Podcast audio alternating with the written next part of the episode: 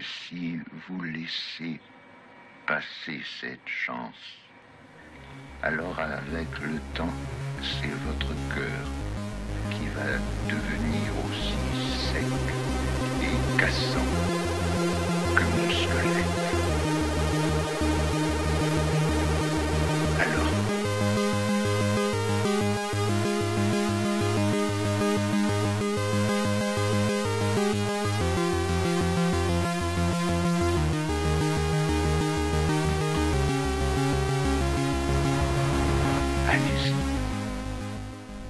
Bonsoir, mesdames et messieurs. Vi er live and direct fra Jean-Michel Charles sitt hjemland, nemlig Frankrike. I hvert fall er en fjerdedel av bua til stede i Frankrike i dag. Eh, Velkommen skal du være. Jon Cato her fra den franske landsbygda. Jeg har med meg Lars og Mats. Dere sitter i den nordnorske landsbygda. Hvordan er været der oppe?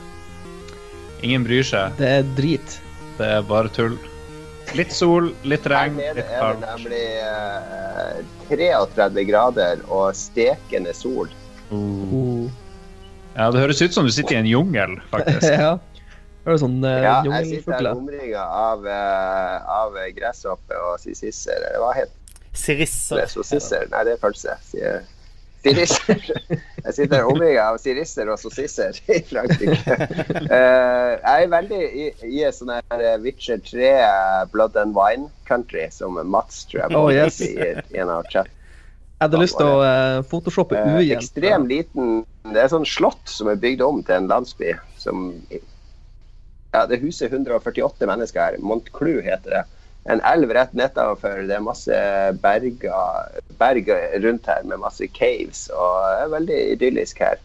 Eh, Magnus, du er på det glade Sørlandet, har jeg skjønt. Ikke helt, eh, men eh, jeg er sørpå, som, som Lars og Mats garantert ville kalt det. Jeg er fremdeles igjen i Oslo. Er det Ok, fordi jeg, jeg har hørt at sørlendinger kaller Oslo for det sure Sørlandet, mens de sjøl knuger på det glade Sørlandet. Uh, ja, vi, vi sier det når ingen andre er til stede enn sørlendinger. Da, da kaller vi det det. Jeg vil høre mer om hvordan det ser gutta? ut. Å ja, ja, unnskyld. Nei, jeg, men jeg, jeg klarer ikke å gi slipp på Frankrike. Du må, du må gi meg sommerfølelsen. Hvordan, hvordan lukter det? Hvordan ser det ut? Bortsett fra at det er blood and wine. Er det, er det et slott du bor i, eller hva er det du holder til i?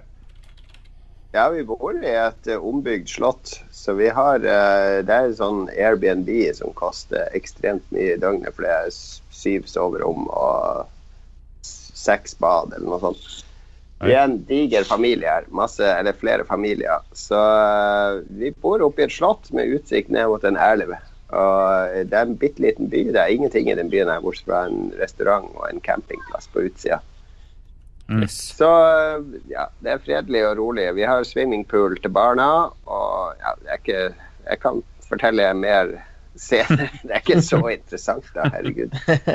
Ja. Men jeg sitter her på en terrasse. Jeg prøvde å jeg prøvde å legge ut en video på Lolbua Entourage sånn rett før sending men en eh, rapport fra, fra Frankrike-kontoret, så dere kan jo oppdatere Lolbua Entourage altså se om eh, den videoen ligger der, så får dere se hvor jeg nå sitter og eh, hoster en podkast til resten av familiens store fortvilelse. Er de fortvila? har vi Driver de og hører på deg nå? Driver de og hører på oss? Nei, Jeg sitter ute på en av de tre terrassene vi har. Som er, som er, det er terrasser som er bygd inn i, da, i borgmuren. Den eh, 50 meter høye borgmuren. Så har de bygd inn noen sånne terrasser. Så jeg sitter sånn ca. Ja, åtte meter over bakken. Eh, en sånn liten vei som går nedenfor her. Eh, og stirrer rett på det berget på andre sida som jeg prøvde å klatre opp på i går uten hell. Jeg fikk masse eh, skader på legger og, og knær. Ok. Har du spist mye bagett? Hvordan vin? Vi kjøper jo Hver morgen så kommer det sånn bakebil til landsbyen her som tuter vilt sånn en kvart på ni når den kommer opp bakken her. Da løper vi opp og så kjøper vi masse bagetter og, og brød og croissant og sånne ting. Så det er jo bagett til frokost hver dag med franske oster og, og litt sånn forskjellige skinke og sånne ting. Så, så jeg spiste egentlig bare bagett. Jeg har drukket litt vin i kveld. En, eh, en lokal vin kjøpt på markedet her. Og nå drikker jeg Jeger og 1664 heter vel den ølen. Så her er det Mm. sommer. Herlig. Bra! Jeg har ikke noe, jeg har ikke noe mer å legge til. Takk. Ja. Takk for meg. Ha det bra. Ja, det høres veldig bra ut. Jeg er veldig misunnelig. Hva Det er, hva det her? Ja, det er veldig fint her. I morgen skal vi på grottetur og, og litt andre ting. Men eh, la oss nå slutte å snakke om Frankrike, for det er ikke Frankrikes nasjonaldag vi skal feire. Det er eh, 4. juli i dag. Det er USAs eh, nasjonaldag. Ah, shit. Så Hva good. skjedde 4. juli? Det er du som, det er, du som er på eh, Hva heter det, påskynder for hele den greia her, Lars. Med at vi skulle feire 4. juli i sendinga i dag. Pådriver.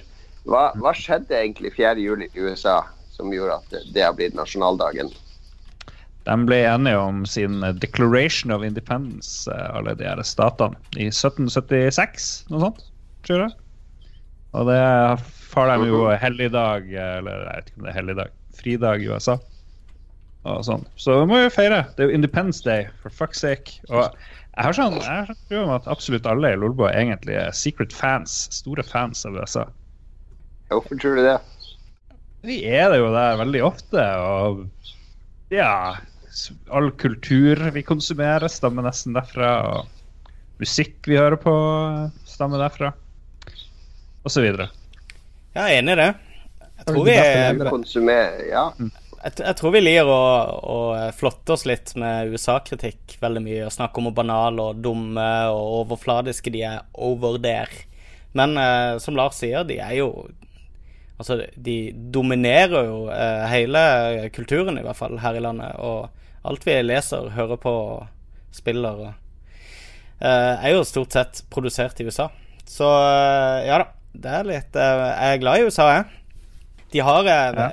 Det er jo vanskelig å si at ikke de har et fucka politisk system. Og så går det an å ha masse meninger om eh, samfunn på den størrelsen der, men eh, jeg har vært en haug med ganger i USA, og eh, jeg, jeg trives i denne her Altså, de fremstår som eh, eh, hospitable og eh, oppriktig interessert i å snakke med folk som kommer fra andre steder. Nordmenn har en tendens til å stort sett bare snakke om Norge når det, når det kommer utlendinger på besøk, mens eh, i hvert fall de amerikanerne jeg har støtt, opp, vel, støtt på i typisk i en heis eller wherever eh, amerikanere føler seg tvunget til smalltalk, så, så er de oppriktig interessert i å høre om, om hvor andre kommer fra. Da. Så det er noe vi, vi sikkert kan aspirere mot. Men det var den der Amen. politikken, da. Preach. ja. All right, Ja. så USA er det beste landet. Er det det som er konsensus? Nei, det trenger ikke være det beste Det trenger kanskje Ja. ikke være det beste landet, men uh, kanskje vi skal være litt mer nyanserte når vi, når vi liksom himler med øynene over USA. For det de, de Jeg leser jo bare, jeg leser jo bare nå opp fra sendeskjemaet som det er konsens... Altså Konsensusen i Lolbua er jo at sendeskjemaet er vi alle enig i. Ja, det er sant. Hvis ikke så har vi vært inne og endra det. Så her står det USA er det beste landet. Så det betyr at alle fire er enig i det. Ja, For det er ingen okay. som har endra det eller protestert. Riktig. Det er Ja. sånn sendeskjema sendeskjemaet fungerer. Men det er vel ikke sånn at vi elsker amerikansk kultur på samme måte som da vi vokste opp. Fordi da vi vokste opp, i hvert fall eh, altså, meg er jo 70-tallet, 80-tallet, og dere andre er jo i stor grad 80-tallet, 90-tallet, Mm. så var jo amerikansk kultur omtrent det eneste vi ble eksponert for. Men samtidig, med en gang det kom noe som ikke var amerikansk kultur, f.eks. japansk eh, ghibli og sånne ting, så føltes det som en befrielse. Altså Litt som at vi kom ut fra den derre amerikanske masseproduserte kommersielle kulturen og møtte noe sånn ekte og ordentlig. Eh, er, er det ikke sånn fortsatt? At, at det som ikke kommer fra USA, er kanskje litt mer givende enn den her masseproduserte amerikanske popkulturen? Det er jo som når du drikker brus. ikke sant? Cola er grunnpilaren. Men så er det av og til gøy å variere med noe sånn her eh, et eller annet av og til. Men du holder deg fremdeles til cola, liksom. Det er jo sånn det fungerer, vil jeg si. Ja, Cola har de jo fått til, men hvilke, amerikanske ølmerker er det vi kjøper og, og, og sverger til? Pabst Blue Ribbon. ja, det, PBL. Det, det har de Det ikke konge. fått til, øla. Uh, jeg er jo, uh, og jeg vet jo om mye folk flest hater Budwiser, men når jeg drar til USA, hver eneste gang jeg reiser til USA, så initierer jeg den første kvelden fremme, kikker utover stranda midt på natta og tar med en iskald Budwiser som jeg kan vri av korken. Kan vri den av flaska og ta den ut på balkongen. det er sånn jævla Oslo-hipster-ironisk du står der på hverandre, og så Hva? snapper du og instagrammer det. Og så, «Oi, USA drikker bud. Føler du, føler du det, det du nå beskriver, Jon Cato, føler du det beskriver meg? Ja, ja, akkurat når du er i Miami i USA og skal Ja. være topp, toppen av ironiplanet ditt. Nei, jeg er ikke helt der, altså. Jeg, jeg har alltid vært glad i, i uh, Budwiser. Jeg syns det er en sånn tørstedrikk. Så er det ikke, drikker det ikke som vanlig øl, men det er helt OK tørstedrikk. Syns jeg. What's the what's the similarity between uh, having sex in a canoe and Budweiser? Fucking close to water. Kan vi gå vekk fra Oh, Monty yeah! Python? All right. Og med det så kan vi gå over til våre kjære lyttere. De har jo også sterke meninger om USA, stemmer Ja. ikke det, Lars? De har veldig ironiske meninger om USA. Det er ingen som eh, tente på ukens tema, egentlig. Men eh, ikke sånn Jeg gikk kanskje litt sterkt ut og ba folk si hvorfor USA er det beste landet. Eh, det var Jeg var litt biased. Er det ikke det som er et lukka spørsmål, eh, ja, Lars? Er det ikke det det heter? Lukka spørsmål? jo da. Ja. Men jeg fikk jo egentlig det jeg spurte om, så vi fikk litt sånne halvuseriøse svar tilbake. Kristoffer Gettoboys Hansen Leistad, eh, det beste med USA er tweetene til Don Trump. Det, er det renker jo opp.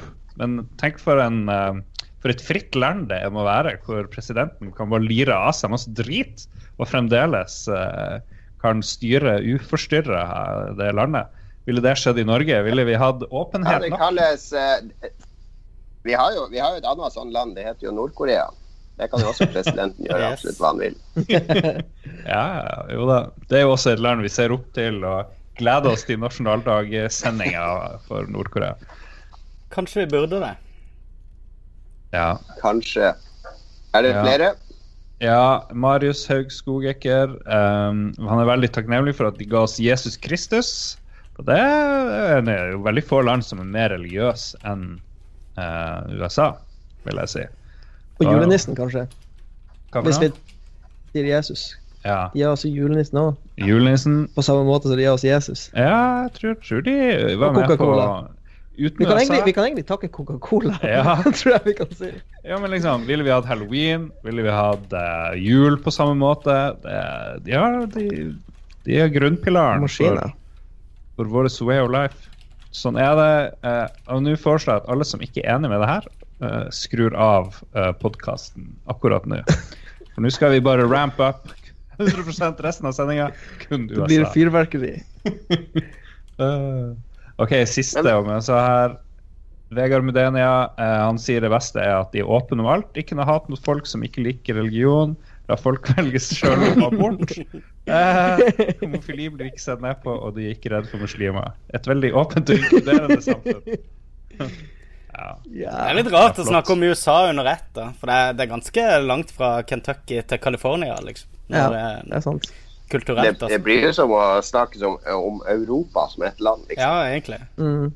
Jeg ser eh, mange amerikanere når de liksom debatterer på Twitter, så er de sånn her Ja, men jeg har bodd i Europa i et år. Så å ja, OK. så, så relevant du er. Jeg, foreslår, eh, jeg foreslår vi tar en eh, litt fokus på sendinga. Fordi det sendeskjemaet her ser jeg, vi er jo egentlig ferdig med sendinga. Vi er halvveis i sendinga nå. Det blir veldig, veldig kort podkast. Så The vi tar en musikalsk pause nå. Og så holder vi oss til temaet. Så alle vi fire har jo vært i USA. Magnus har vært der flest ganger, tror jeg. Eh, I løpet av den musikalske pausen nå, så skal vi tenke på hva er vårt eh, kuleste USA-minne? Altså mest skremmende, eller mest eh, morsomme, eller Altså ditt beste USA-minne, det du vil dele med Lolbua fra oss fire i, i Lolbua, det får du rett etter denne musikalske pausen.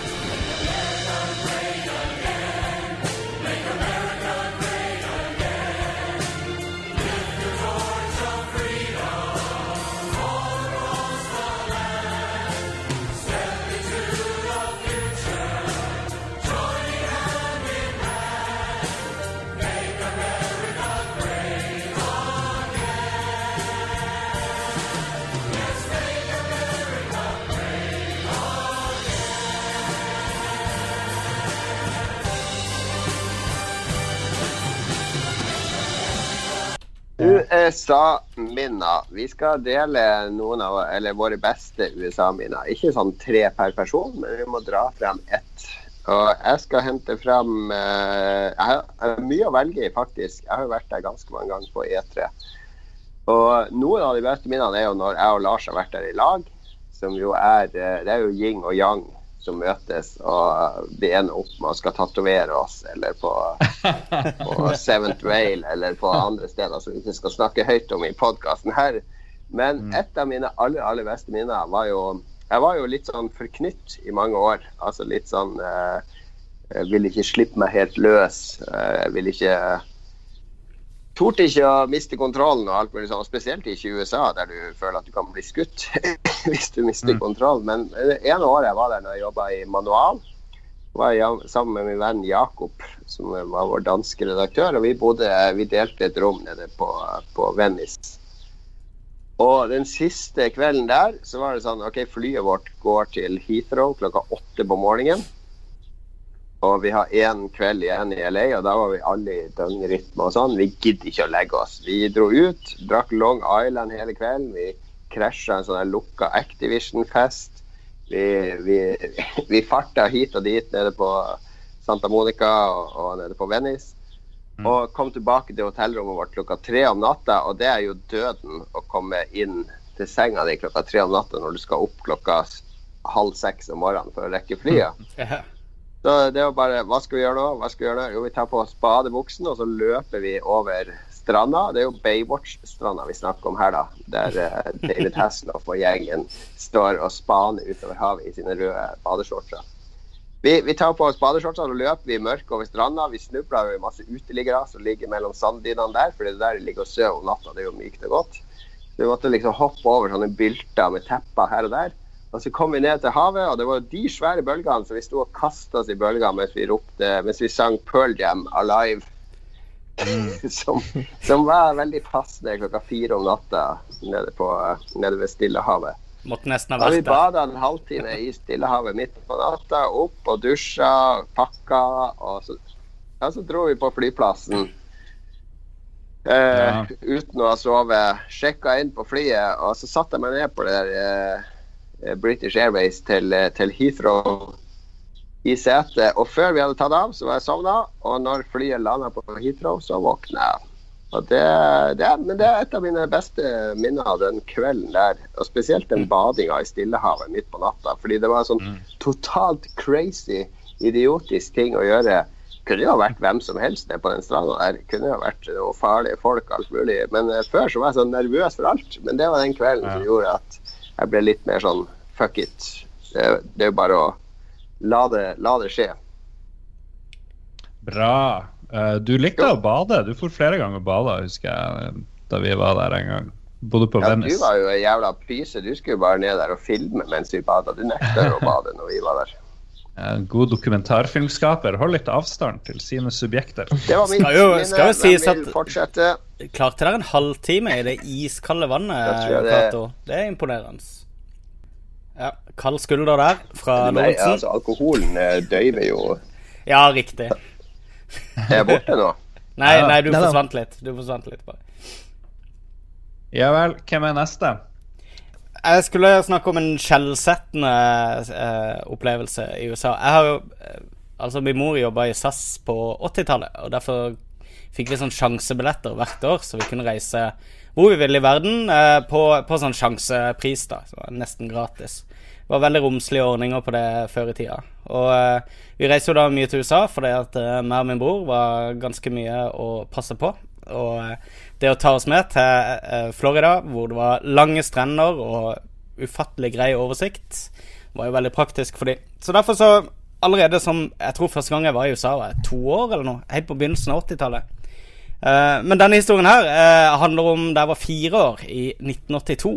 Vi hadde vært i noe som heter Circus World, som er en nå nedlagt eh, sånn themepark i Orlando, med sirkustema. Eh, det er jo et, et grusomt sted. Bare tenk deg It ganger 3000. Så har du beskrevet det stedet der.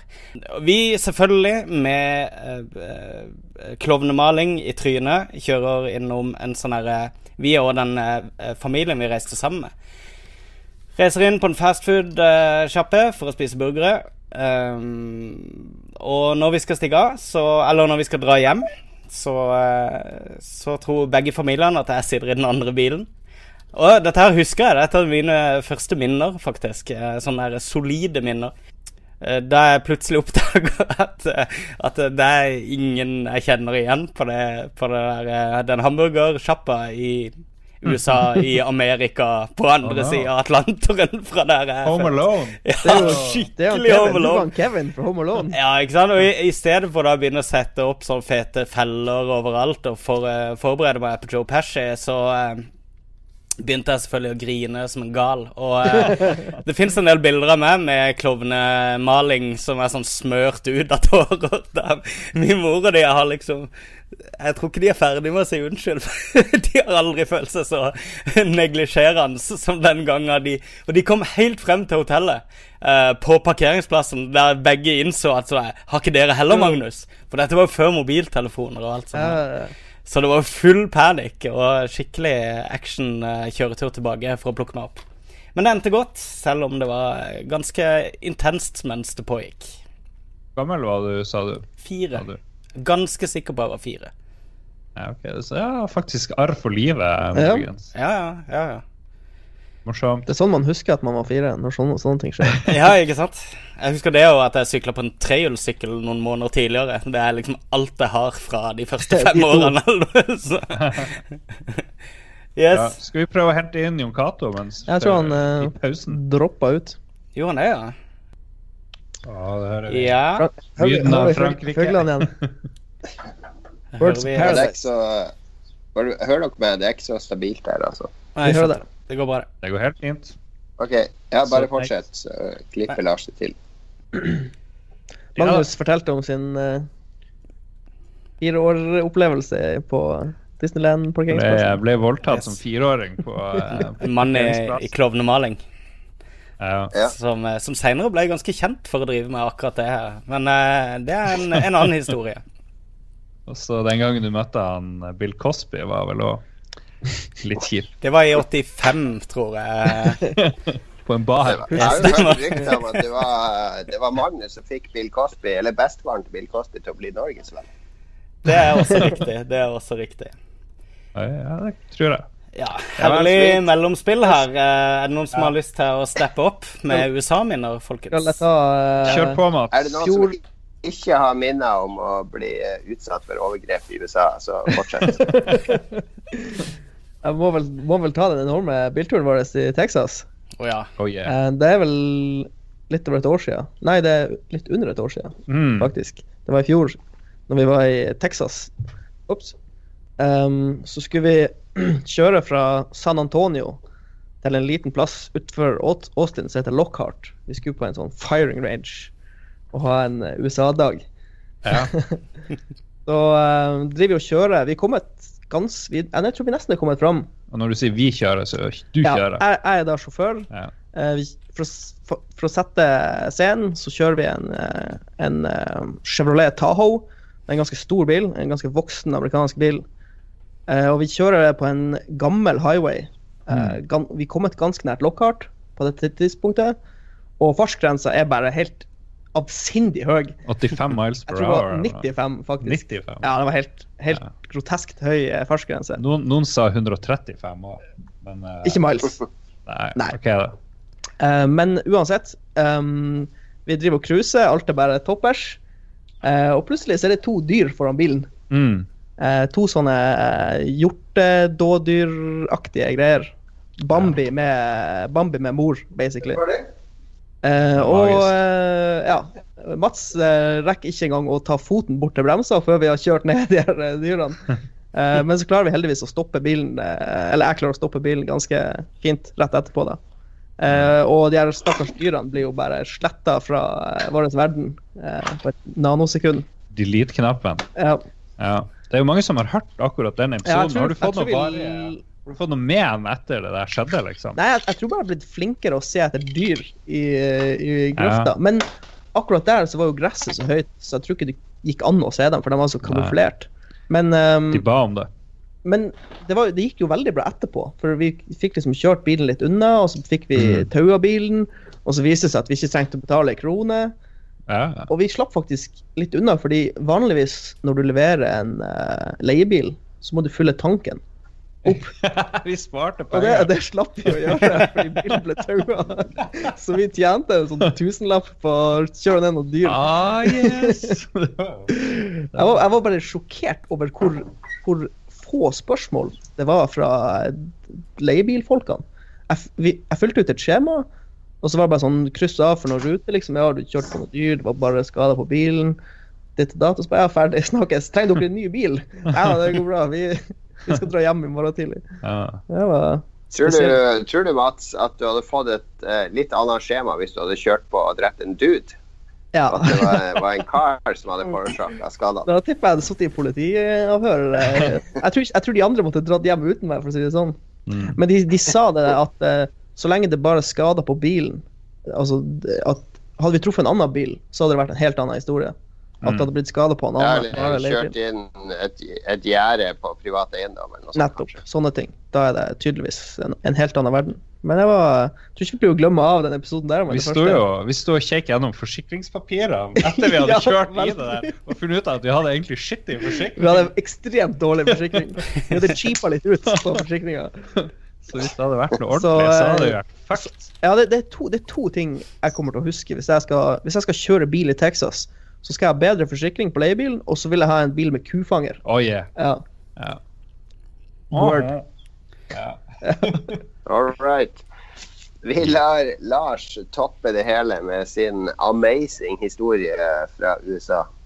Jeg har mye, mye bra, men det jeg husker best, og som var mest grusomt eh, og spennende, så var jo min første USA-tur, som var til San Francisco med Microsoft eh, back, in, back in the very old days. Jeg husker de skulle lansere der um, XNA-greia, eller hva det Mm. var. Jeg tror i hvert fall det var først eh, Ja, det var nå en eller annen. XNA, det er ingen som vet hva XNA er. Det Ja, det er noe sånn drit Det brukte til Xbox 360, eh, tror jeg. Eller Ja. det var den verdens dårligste forklaring. Verd- det har ikke noe å si. Magnus, hva var XNA? Var så nå eh, det der eh, spillutviklingsverktøyet til Microsoft? Ja, det var, var så. India kunne Mm. internt i et sånt Ja, undersystem av Xbox Live. Så det ble veldig sånn undergrunnskanal for eh, et par kule spill, men de nådde jo aldri opp og fram, så det var egentlig Ja. en ganske dårlig idé. Jeg, skjønte aldri hvorfor Og så var det GDC samtidig da, eh, der borte. Men eh, jeg skjønte ikke hvorfor de inviterte meg. Jeg drev jo bare og skrev sånn spilleanmeldelser for eh, på den tida sånn ti aviser eller et eller annet. Men hvorfor de skulle liksom fortelle meg masse om det her XNA, det ga jo ingen mening i det hele tatt. Det var bare, det var bare utrolig teit. Eh, jeg er og Journalisten sin. ja, men hva vil, hva vil en lokalavis eller Nordlys vite om XNA, liksom? Det er jo Ja, riktig. Det er jo- Men uansett. Det var en vill historie, Lars. Ja, ok. Dårlig start. All right, da spiller vi litt eh, musikk, og så er det Takk for meg. XNA, am I right? uh, Fortsett da, Lars. Fortsett. Ja. Kom igjen, da. men vi som har vært på sånne eh, journalistturer, vi, vi, det er jo ikke lov å dra inn dit og jobbe som journalist uten å liksom søke om visum, egentlig. Ja, riktig. Så jobbvisum. Ja, sånn Det er bare journalister som må ha det, og sikkert eh, jeg vet Må, ikke, folk må fra du ja. ha må du, eh, Kjapt spørsmål. Må du ha journalistvisum hvis du jobber med fake news? Du må ha, men du må ha fake visum. fake visum. Ja, men så var det min første. Så var det min første tur til USA, så jeg var litt sånn nervøs for det her. Jeg skjønte jo ikke at det var noe alle gjorde, og bare løy eh, glatt eh, i den der eh, ge- passkontroll. Så jeg var litt sånn nervøs, litt sånn svette-Lars. Eh, kommer inn i postkontroll, og så sier han der eh, fyren eh, You've been here before, haven't you, Mr. Olsen? Jeg bare Nei, jeg har aldri vært her. Jo, jo, du må komme hit. Så ble jeg sendt inn på det rommet med alle de politifolkene som sto bak en skranke. Oh shit. NYPD Oh, Blue shit. Style! Og masse immigranter som har lyst til å komme inn, inn der. Og fikk jo nesten litt panikk. Og drev og øvde på min cover story, kan enn jeg skulle, skulle si. Uh, men uh, til slutt så bare ropte de opp uh, ah, Mr. Olsen, I see you filled in where you're staying at the hotel. Eller noe sånt. Jeg hadde ikke gjort noe. Jeg hadde bare sittet og venta og vært nervøs. Og så fikk jeg lov å komme ut i varmen, og så for vi til det overprisa Microsoft-hotellet. Uh, sånn designer var sånn Før i tida ah, så bra hotell med Microsoft. Hm. Så endte kvelden med at vi drakk eh, saker, sånne her firkantige treskårne krus. og bare brukte absurde penger. Da husker jeg da vi kom frem, bare, så møtte vi en finsk journalist. Jeg hadde bodd på hotellet i en uke og bare venta på at det skulle begynne der GDC på Microsofts regning. Så det var, Holy smokes. det var liksom sånn det var. Andre tider. Og eh, Nei, det var Før Game of Gamergate. liksom den der, den der eh, svette og den der eh, klamme følelsen med å sitte i, i politiavdelinga og skal liksom Ja. vente på at du skal bli avhørt, og du vet at folk blir sendt hjem i håndjern og sånn der, det var Ja, uansett, når du snakker med politiet, til og med når du ikke har gjort noe galt, så blir man litt nervøs. Ja. det. Bare i tilfelle de forstår noe feil, på en måte. Det er Men er ikke det, nå, nå skal vi være litt alvorlige her. Er ikke det her en del av det ekte USA vi ser? Altså den reklamefølelsen av Eller frykten for autoriteten? Mm. Ja. Ja. Jo, Jo, det er jo en reell Det er jo folk som blir skutt når de blir på sånn rutine trafikkstopp, liksom. Så man må jo alltid ha det i bakhodet. Jeg har faktisk en, eh, en liten opplevelse jeg kan nevne, som også forteller litt om eh, en, en annen Ta det, eh, det er bonusen. Det er bonusen. Det, du får en bonusopplevelse før vi går til musikk. Tusen takk. Um, jeg var i uh, Veldig fin historie, forresten, Lars. Beklager. Det var ikke meninga å hoppe, hoppe av sporet så raskt som det. Nei, nei. Um, dette var en av de gangene vi var på E3, hvor vi starta turen på, i Las Vegas. eh, Og meg og en kompis vi skulle ut til et uh, sånn indianerkasino som lå Som ikke ligger på noen av de to stripene, verken den gamle eller den nye stripa. da Og uh, på vei ut så eh, så spurte eh, taxisjåføren om vi hadde lyst på Han hadde en hel bunke med sånne her vouchers, sånn kuponger på eh, avslag på én dollar for en drink eh, på det kasinoet der vi var på vei. Og han hadde så sykt mange av de der, så spurte vi eh, hva er dealen, hvorfor gir du oss så mange? Så han nei, ehm, eh, uh, jeg er tørrlagt alkoholiker, så, så jeg bruker ikke de voucherne. Så bare, men hvorfor har du så mange av de? Så fortalte han at eh, de som eier taxiselskapet som han kjørte for, da, de hadde lønningskontoret eh, inne på dette kasinoet hvor vi var på vei. Og eh, denne voucheren eh, var noe du fikk fordi at eh, du står i en sånn lang kø, og han sa det. Bare gled deg til dere kommer til kasinoen, så skal dere se. Dette er det dere kommer til å se. Dere kommer til å se en lang kø med fattige taxisjåfører som står og venter på lønningene sine. Og dette er noe de alltid trekker ut, så det tar flere timer før de faktisk begynner å levere ut sjekkene. I mellomtida så eh, har de ansatte eh, sånne her eh, cocktaildamer på kasinoet som går og skjenker alle dritings eh, med gratis drinker mens de står i denne køen og venter på eh, Oh no. Venter på lønna si. Og så, det første de får, sammen med lønna, så får de en sånn chip som de kan putte på en svær sånn her eh, enarma bandittmaskin, hvor de kan vinne fete ting. Men stort sett så får de bare en voucher på enda en drink til en dollar. Så eh, Og han sa det, de aller, aller fleste av kollegaene hans sine, de har allerede gambla opp eh, lønningsslippen sin før de er ute av, kasino igjen. igjen. Ah, nice. USA! USA! Jeg noterer flittig her. Det er de beste CEO-tipsene du noen gang har kommet med. Her er mye gull. Det er jo helt drøyt at Med det det så avslutter vi med avslutter vi vår hyllest av USA denne gangen. Vi har to spalter igjen, hva vi har spilt, og ukas anbefaling.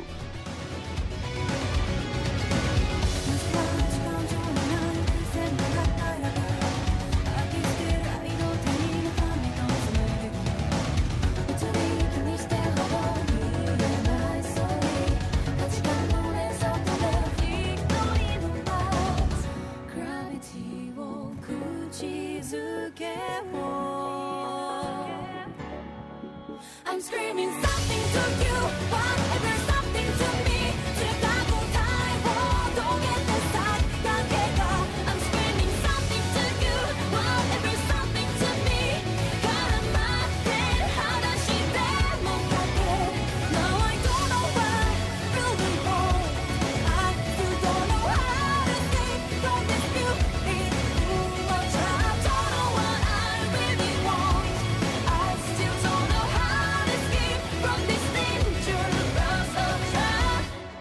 Vi skal snakke om hva vi har spilt i det siste. Jeg kan si hva jeg har drukket i det siste. fordi eh, det, det er ikke jeg som har kjøpt inn øl her. Vi er så mange, så vi sender noen ut på ekspedisjon, og så bare fyller de opp. Og så deler vi regninga. Så det er en øl som heter 8,6.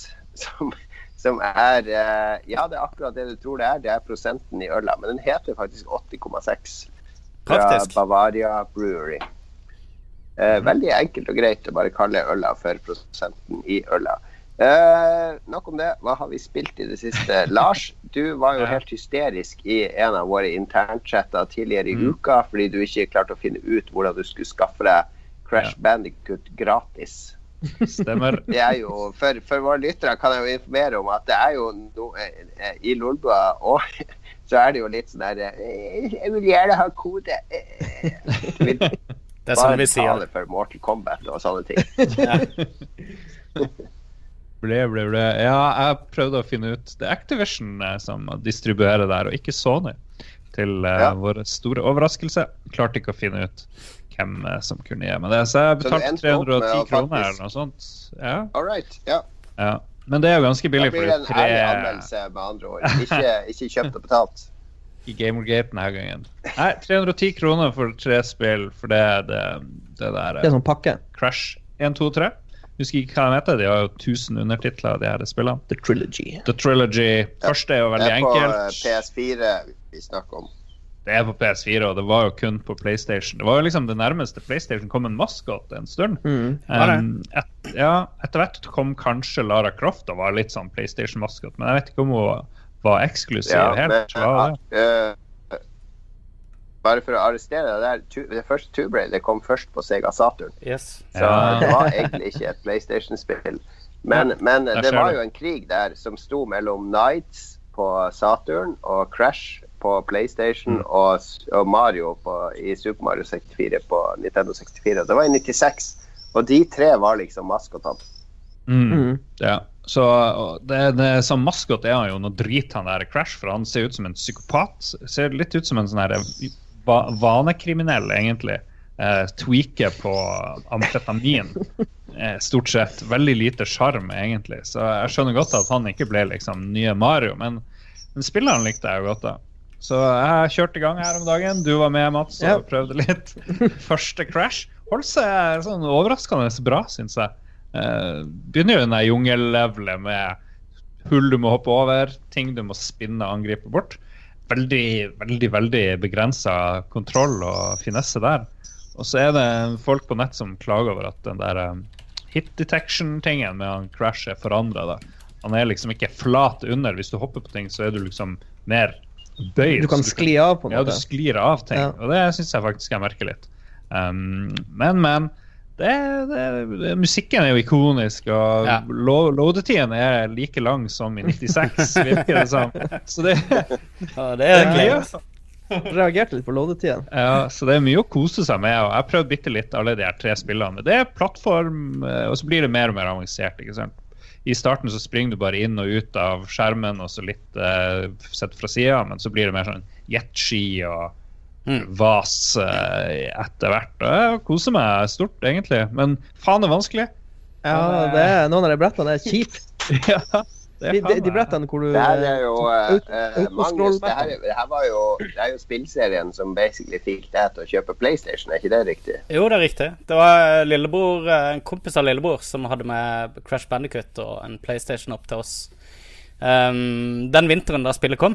Og eh, jeg ble amazed av det. Jeg, jeg elska stemninga og eh, Altså hele den derre jeg vet ikke. Det, jeg, jeg, det, er så spenstig spill. Det er så utrolig ekspressivt. Det er liksom Det var det nærmeste kom en Disney-film i spillformat på den tida. Og mm. jeg likte Ja, jeg likte hele Hele pakka, på en måte, som de presenterte. Og dette her med å løpe i noen ganger innover, noen ganger utover, og venstre og høyre og sånne ting, Så jeg var Det var vilt. Det var jo mind-blowing da det kom. Så Det som eh, er litt uh, Mm. Det som er litt kult med remasteren, er jo at nå får jo unge, de som er unge nå, får jo muligheten til å bli introdusert for Crash. Ja. Ja, men jeg har vært veldig Altså, for det, Jeg husker i hvert fall at eh, Crash 2 var ekstremt mye bedre enn Crash 1. Eh, det, var liksom, det var en sånn markant oppgradering da, da toeren kom, og en ganske stor er oppgradering da treeren det, det, er ofte det med toerne. Ja, det er vittig. Men, eh, og derfor så vet jeg ikke eh, Det jeg har sett på Twitch, bare folk som spiller, og det kan du sikkert bekrefte, Lars, så, så har de jo preservert mer enn de liksom har remaka um, de originale spillene, har de ikke det? De har ikke kødda så mye med Nei, Neida. veldig lite. Ja, det stemmer, det. Det er stort sett graf grafisk Ja. overhaul. Men det Ja. blir mer avansert grafisk òg etter hvert som du prøver de tre nye. Fordi de har liksom Ja. ikke gått helt bananas med Crash 1. Det har de. Kanskje de burde hatt i hvert fall toeren i mente da de har det- remaka eneren, tenker jeg. Jon, Men har, de, har de noen verdi utover nostalgien? Er det noe som Hadde jeg satt det her på for mine barn, hadde de orka det? Ja, jeg tror det. Jeg tror Det det. er såpass eh, lett å, komme, Ja. å starte å spille dette. Jeg tror det passer bra for kids. Ja, Mats har det ganske gøy når vi har spilt det. Det er, Så det det er mye på barn. urettferdig død. Ja, ja. Urettferdig slash ja det er de her auto, autoscrollbanene hvor Ja. du går Ja. fremover uansett. Det er de som er vanskelig. så du hører jo at det funker på pris, eh, eh, Ja. Fortsett, Magnus. Nei, jeg sier jeg bare bekrefter at det funker på barn, siden Mats og Lars har kost seg med det hele dagen. Ja. Ja, nei, ja, eh, jeg, bare, jeg, jeg, jeg merker nå at jeg setter veldig pris på de her eh, rådene fra de barnløse på hva som passer for barn. Nå Ja. ber du om råd fra barnløse, da, din fjott. Det gjorde det. nei, men, Den eier du at Mer ydmykt, eh, det, det aner jeg ikke. Ah, okay. Jeg sier bare hva jeg tror hva, hva niesa mi ville likt. For eksempel. ja. Niesa di ville likt det. Men, eh, men det, vi har jo solgt som hakka møkk, da. Det har jo ikke rett opp på eh, førsteplass i England, blant annet. Eh, så Activision har vel allerede snakket om at de skal se på om de skal gjøre noe mer med Crash Bandicut. Så om det nå ikke funker på barn, jeg vet ikke. Det, vi har vel sett noen bilder. Jeg vet ikke om det var i vår entourage eller hvor det var, men det er nå noen gamlinger som har prøvd å presse det her på ungene. Men det er jo selvfølgelig de gamle som nå driver og kjøper det. Men så kanskje vil det smitte over på yngre publikum. Ja. Vi får se. Jeg har i hvert fall ikke kjøpt det. Noe jeg har kjøpt og testa på ungene, er jo uh, Zelda Breath of the Wild kom jo med sin første DLC nå for noen dager siden. Uh, den første av to annonserte utvidelsespakker som uh, bringer nytt innhold til et av årets aller beste spill. Og det har jeg, jeg spilte ikke sånn voldsomt mye, men jeg har en 16-åring som er her på ferie. Vi har selvfølgelig med Switchen kobla den opp på TV-en her i leiligheta. Og den går stort sett døgnet rundt, for vi er jo 16 stykk her. Og eh, det er mye kult innhold i den første DLC-en til Breath of the Wild. Det er masse nye ting å finne, nye quests. Når du, jeg vet ikke om noen av dere har prøvd DLC-en, har dere det? Ikke ennå. Jo. Nei, fordi det, det første som skjer etter du har kjøpt den og logget på når den er aktivert, det er at det kommer sånn eh, notification om nye quests. Du får sånn 10-11 på rad. At Ja. du kan finne det, du kan gjøre det, du kan gjøre det, du kan gjøre det. Altså Quest-lista di er bare fylt opp med masse nye quests. Som da, flere av de blir jo flere underquest òg, da. Så du kan finne maska fra Majoras mask, du kan finne hjelmen til hun der i Twilight Princess, du kan finne Tingle sin drakt, du kan uh, gå en sånn Master Sword Quest. Men jeg har prøvd meg på et par ganger uten å klare, men min 16-åring er på siste fase nå. Det er, eh, det er basically en sånn under-dungeon der du blir strippa for alt utstyr, og du må survive fra første level og klare deg på det du finner fram til uh, siste level. Du kan ikke lage race heller der. Ja, den er ganske hardcore. Det er, ganske, det er en challenge som tester om du faktisk kan bruke alle de abilityene til Link, magneten og, og Stasis og alt det der. Så det, det, er veldig, det er første gang Nintendo har kommet med en DLC, og den, jeg syns den er eh, bra gjennomført. Du får også en sånn kartfunksjon der du kan se hvor du har gått på kartet de siste 200 timene. Mm. Som er eh, For meg var den ganske meningsløs, fordi det viser bare en sånn eh, 100 meter lang spagettilinje som går på kryss og tvers av, av kartet. Fordi jeg har egentlig vandra overalt hit og dit uten å explore altfor mye. Men, eh, men den jeg koser meg skikkelig her på dagtid når jeg setter meg ned foran TV-en et par timer og bare gjør et par sånne nye quests og finner nye ting og ja, bare utforsker den verden videre. Det er en veldig fin verden å, å, å bare gå inn i. Ja. Bra. Det slo meg, når jeg så du hadde spilt det, så slo det meg at eh, jeg faktisk ikke har runda Zelda ennå. Jeg har spilt det veldig opp. Jeg henger liksom til i borga, og jeg føler jeg kan finishe Ja. når jeg vil. Men så hopper jeg av det pga. Ja, av jeg, jeg, også, jeg, har vært, jeg har vært hos Ganon og Ja. tapt det en gang. Og så tenkte jeg men det, det er ikke noe vits å ta den, fordi du må bare restore til siste savepunkt hvis du skal fortsette etterpå. ja. Så han kan like godt være i den borgen mens jeg utforsker alt som spillet har å by Å ja, så du kan ikke Så springe rundt og. Jeg herje bare- etterpå? Stemmer. Nei, ja, du kan det, men da er du Du må fortsatt ta Ganon, da. Da Mm. restore det tilbake til da hun var i live. Jeg tror det er fordi at da må de endre hele verden til at uansett hvor du kommer, så er det sånn Å, oh, her er helten vår, du klarte å ta Ganon. Og Ja, sånn, ja. Nå Det spoiler sånn du det veldig her, Jon Cato. Jeg visste ikke hvem siste boss var, og jeg visste ikke at vi nødvendigvis kom til å vinne over den bossen i siste scene. Så det Men, men hvis, jeg, hvis jeg kan få prøve å lage en bro Jeg vet ikke hva, mange, hva, hva Mats har tenkt å nevne her eh, i denne spalten, men rett før jeg dro, så testa jeg jo nyeste patchen til uh, uh, Hva heter det? Player on Battleground. ja. Og jeg vet ikke om du har testa den ennå, Mats, men Jo da, den fikser jo de europeiske serverne. Så, så plutselig så flyter det som eh, silke i forhold til åssen det gikk før. Ja, det var betraktelig bedre performance. Nei, vi har, vi har spilt ganske mye mye siste patchen. Den som kom forrige uke, på torsdagen. Ja, Nye, nye våpen. og hva er konklusjonen din? Ja, det er, jeg liker virkelig Spiller bedre, eller? ja, Uten tvil bedre. Hvordan slo du Ganon på slutten? Jeg, jeg tok opp en, Dude! en gråstein og skjøt han i ansiktet. 40, 40 skudd. Uh, Men det, det er de to spillene som jeg har spilt, i hvert fall. Det er Zelda og eh, Day Nei, hva heter det? Battlegrounds. Battleground. Og da kan Mats ta over med, med det han hadde lyst til å nevne. Ja, nei, jeg har spilt mye Battlegrounds, jeg òg, men jeg hadde egentlig tenkt å snakke om Doom. Jeg begynte å spille det i Doom? natt. Mm. Um, jeg kjøpte det på en sånn Jeg tipper jeg kjøpte det på Steam sitt vintersalg, eller noe sånt. mm, Det var i hvert fall ikke nå Ja. på sommersalget, men jeg har ikke spilt det før nå. ja. Uh, og så har jeg bare hørt at alle sier det er veldig bra. Og jeg tenkte bare sånn Ja, skal jeg spille det en dag? Og ja, det er veldig bra. det, er, det er jo en remake av Doom, da. Mm. Så um, Det er veldig sånn I, i historiefortelling så er det veldig sånn rett fram. Det er Mm. Du spiller Doomguy. Uh, du, han sier ingenting, uh, men han uh, Du interacter med andre folk som snakker, da. Så det er litt sånn som Half-Life, på en måte, med at han Gordon Freeman ikke snakker, men du har Ja. andre som snakker rundt han. Mm. Og så er det bare supertight gameplay. Det er, skikk, det er fast-paced. Du står ikke i ro i ett sekund. Du springer rundt. Du bytter Mm. våpen konstant. Du har sånne her glory kills hvor du skyter en fiende svak, sånn at han begynner å blinke rødt, så kan du hoppe på han. Og da får du sånn her grotesk finish, hvor du kanskje river av han nevene, eller ja. skaller ned, eller eh, Jeg prøvde det på PlayStation. Da var det veldig smooth. Jeg tror det var nesten 60 FPS der òg. Ja. Ja, nå sånn- spiller jeg jo det på Jeg har jo nylig oppgradert grafikkort, ja. så jeg spiller det på et 1080 Ti, og jeg har skrudd alt på maks.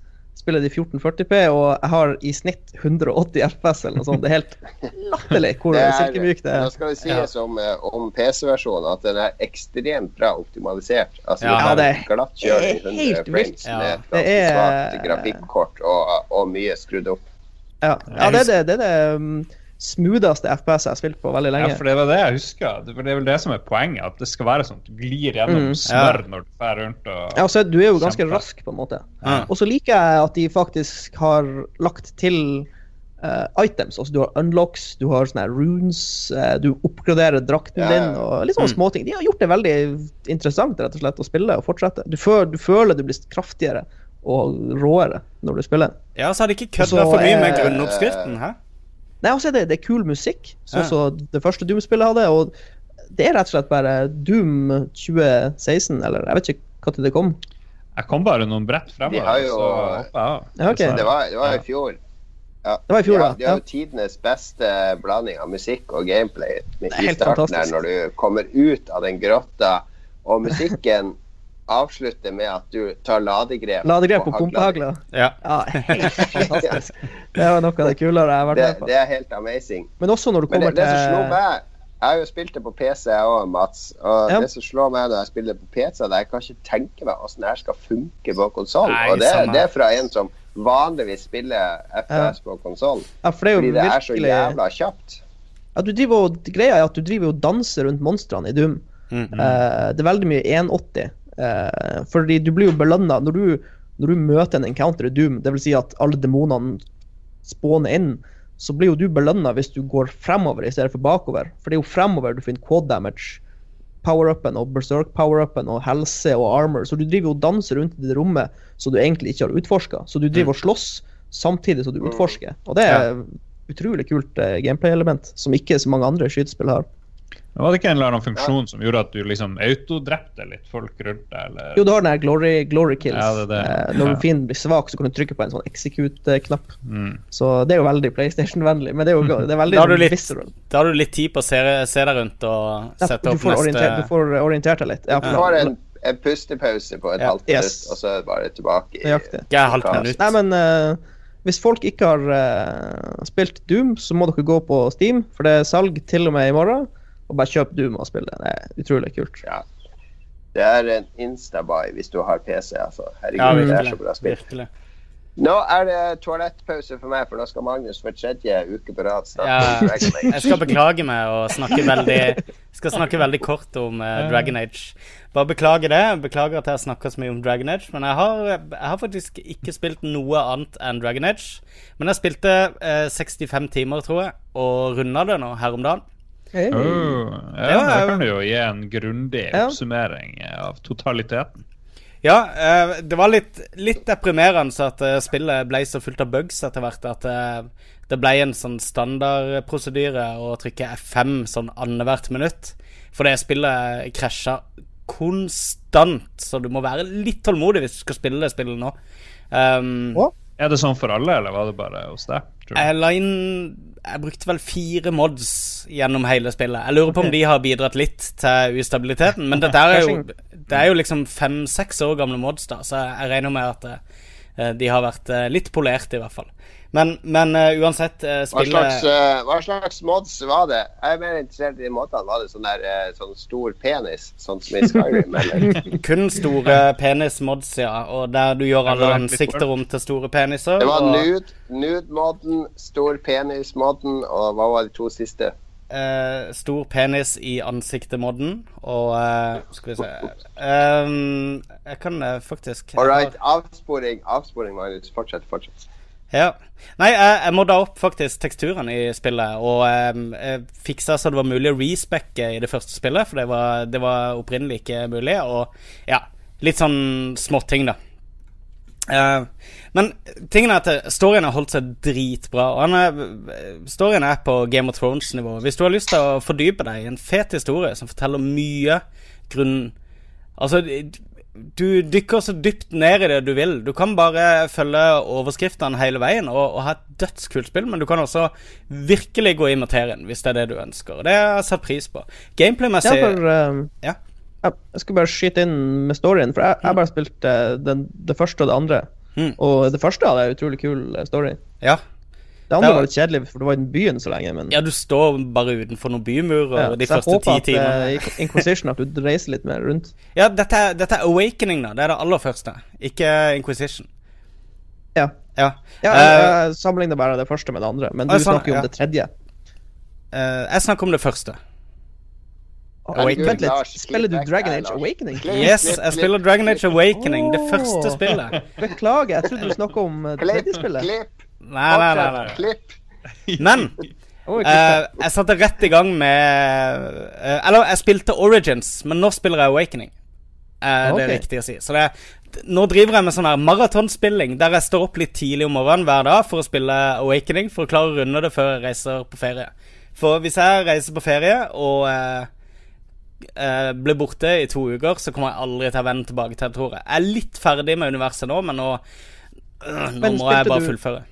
Spilte du tredje spillet først, da? Nei, nei. Og så første spillet? Jeg spiller kun uh, Jeg har spilt eh, Origins nå i to uker, og så uh, Nå spiller jeg Awaken. Herregud, Mats, du avsporer alt. Jeg har aldri spilt Dragon Age. Nå, Jeg har spilt, um, jeg har spilt Inquisition på Xbox, men aldri på PC. Men jeg tenkte det- kanskje at jeg skal ta hele, hele trilogien, da. Ja. Vi får se. Jeg meg helt ut av Jeg ble superforvirra. Jeg, jeg er fortsatt Du har levd en løgn, Mats! Nei, det, hele greia var at jeg kjøpte Origins for 37 kroner. For den der eh, super duper deluxe eh, Ubermensch edition. Origins Origins, ja. Og det var med Awakening og uh, alt av sånne preorder-bonuser og alt sånt der for 37 Ja. kroner. Her, så- Bare klipp bort alt det her, Lars. Ja, men Det er sikkert interessant for noen å få Avklare, bakgrunnshistorie. Men uh, det, det er greit. Jeg er i hvert fall jeg er ferdig med å snakke om Dragon Age uh, uh, Awakening Age. og Origins.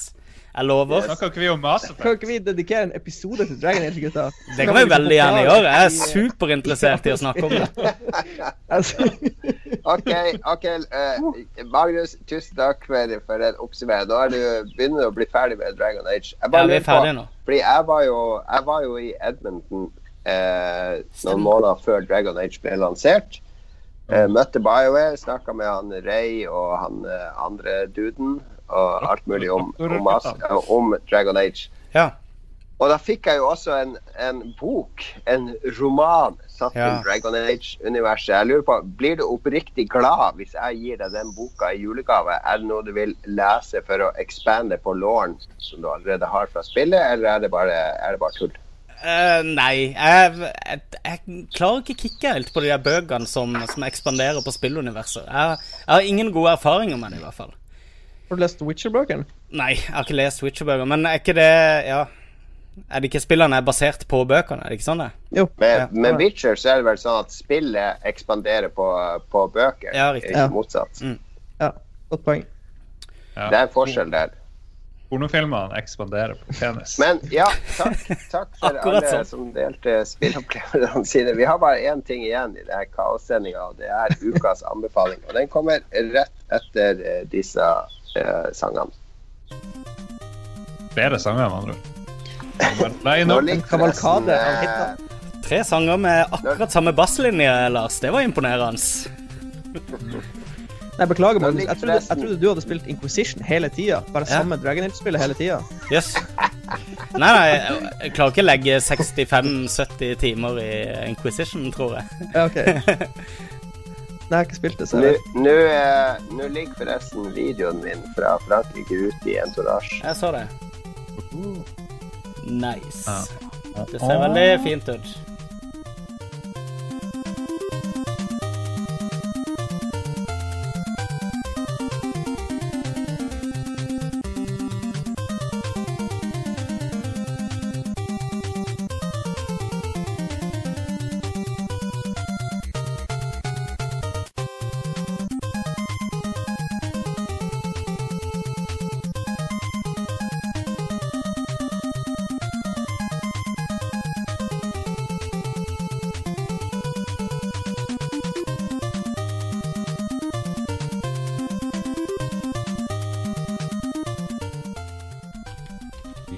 Vi skal anbefale ting. Vi hater all negativitet i presse og spillpresse og fake news og whatever som er. Jeg må bare vinke til min kone og min svigermor nedenfor terrassen her, som har vært ute på tur. Det, det har Nå legger du ord i munnen min. Eh, vi skal anbefale ting helt uforbeholdent. Og eh, Lars, du, jeg skjønner at du har sett en TV-serie i det siste. Eh, ja, jeg driver og binger på TV-serier. Fordi jeg, jeg har ikke noe liv fremdeles. Så jeg har sett tre sesonger med Fargo på rappen. Ja. Boom, boom. All right. Så uh, det er faen meg bra. veldig, jeg må si at det, det er veldig kult utgangspunkt. Da, fordi at alle Fargo-sesongene er jo som uh, forskjellige TV-serier, egentlig. Altså, Det er de det. er helt frittstående fra hverandre. Så nå er, nå er jeg veldig spent på din vurdering av de tre da, opp mot hverandre. Ja, jeg er jo litt uenig da med at de er helt forskjellige, fordi de tar jo utgangspunkt i at det her er sånn true crime-greier. det, betyr jo som oftest at de som utfører kriminaliteten, ikke er helt sånne perfekte filmhelter da, som vi ofte møter. Seriehelter. Så det er mye flås med absolutt alle i alle de tre sesongene. Men eh, jeg vet ikke, den første så er det han der Hobbit-duden, han der eh, Hva han heter som er hovedpersonen? Han fra The Office. Engelske Martin Freeman, er det ikke den? her da? Martin Freeman oh, ja. ja, er liksom ja. eh, hovedperson, og så er han um, faren til Angelina Jolie er litt sånn skurk. Billy, som er Billy Bob. Han er så ufattelig bra skurk der. Han er kanskje min favorittskurk. Nesten. Men så blir det bare enda bedre i sesong to. og det, det er Ja, litt for sånn der der tyskerne. Tyske, tyskerklanen. Mm, ja. For de går fra 80-tallet i den første serien, tror jeg det, til 60- 60-tallet. 60-70-tallet. Ja, en noe sånt. Og så er det plutselig litt mer hippie. Etter Vietnamkrigen. etter Vietnamkrigen. Og det er veldig mye fokus på at de er kommet hjem fra Vietnam og sånne ting. Men liksom, alle sesonger handler om at det er noen politifolk som etterforsker mord, og, og, men det er ikke sånn vanlig krim. da, og de her eh, forbryterne er veldig menneskelige og gjør litt sånn dumme ting. og Det er jo som å se den der Fargo-filmen, bare gjort Mm. til TV-seere. Men med hvert sitt tiår, hver sin stil. Magiske skuespillere. Fy faen, det er mye bra skuespill der. Eh, I den der sesong to hvor uh, Hvem er det som er Der er jo der? Uh, ja, I sesong to så er jo Kirsten Dunst har jo en fantastisk Mm. Ja. rolle. sammen Slakterkona. der, eh, Ja, hun spiller så bra i den, se- i den uh, sesongen. Ja, ja, ja. Ja. Hvem er det som er skurken der? Jeg husker ikke. Det er han uh, den sorte menn Mm. som uh, etter Ja, hvert ja, eh, ja. jobber seg opp. Jeg husker ikke hva han heter. Ja, det er sånn uh, Kentucky-gangsterne. Jeg husker ikke heller hva han heter. Men Han er dødskul, han skuespilleren. Han er, han er til og med med i Sopranos. ja, veldig rotete. Men liksom, det er jo vanskelig å sammenfatte tre sesonger. nå, Men se i hvert fall sesong to, fordi du trenger ikke se sesong én for å se sesong to. Nei, eller stemmer. motsatt, Nei, Jeg tror jeg ville gått rett Men, til sesong to. men, men, men eh, var sesong tre? For jeg har bare sett første episode med, med han Ewan McGregor i to roller. Det var litt sånn Ja. Ja, Det er helt, helt klart den svakeste og den med minst budsjett, for det er veldig få karakterer sammenligna med de andre. Eh, også, men så dukker det faktisk opp uh, minispoiler, noen karakterer fra sesong to. Så det henger litt, litt i hop. Og så blir det litt mer sånn Twin Peaks-aktig av det hele, og litt sånn weird. Men han skurken er jævlig bra. Det er samme skurken som i uh, uh, Wonder Woman. Wonder- Ja, samme det. I hvilken sesong er du da? I tredje? Ja, Fargo 3 Ja. snakker vi om nå. Tredje sesong. Riktig. Jeg syns Bill Bob Thornton kanskje var den beste bad guyen, hvis jeg skulle plukke én av de. Selv om jeg elska sesong var Ja, jævlig bra. Ja. Sesong to eh, var den eh, beste sesongen. Jeg er ikke ferdig med sesong tre. Jeg ramla litt av. Jeg syns det der med sånn skuespillere som har to roller, er litt Ja, det, det syns jeg Det er sånn der eh, Det er sånn der Nå, skal, nå har jeg laga noe til deg, som Ja. du skal få lov til å utforske, kjære skuespiller. Det, det blir sånn påtatt. Ja.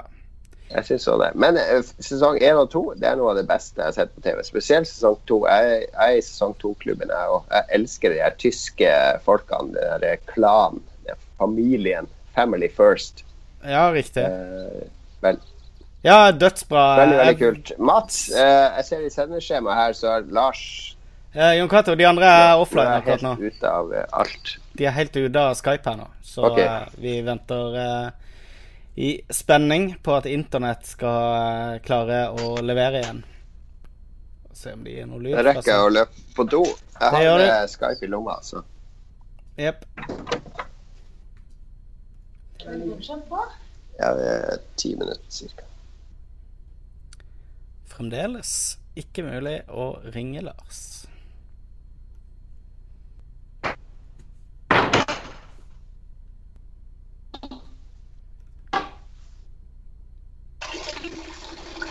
Dude.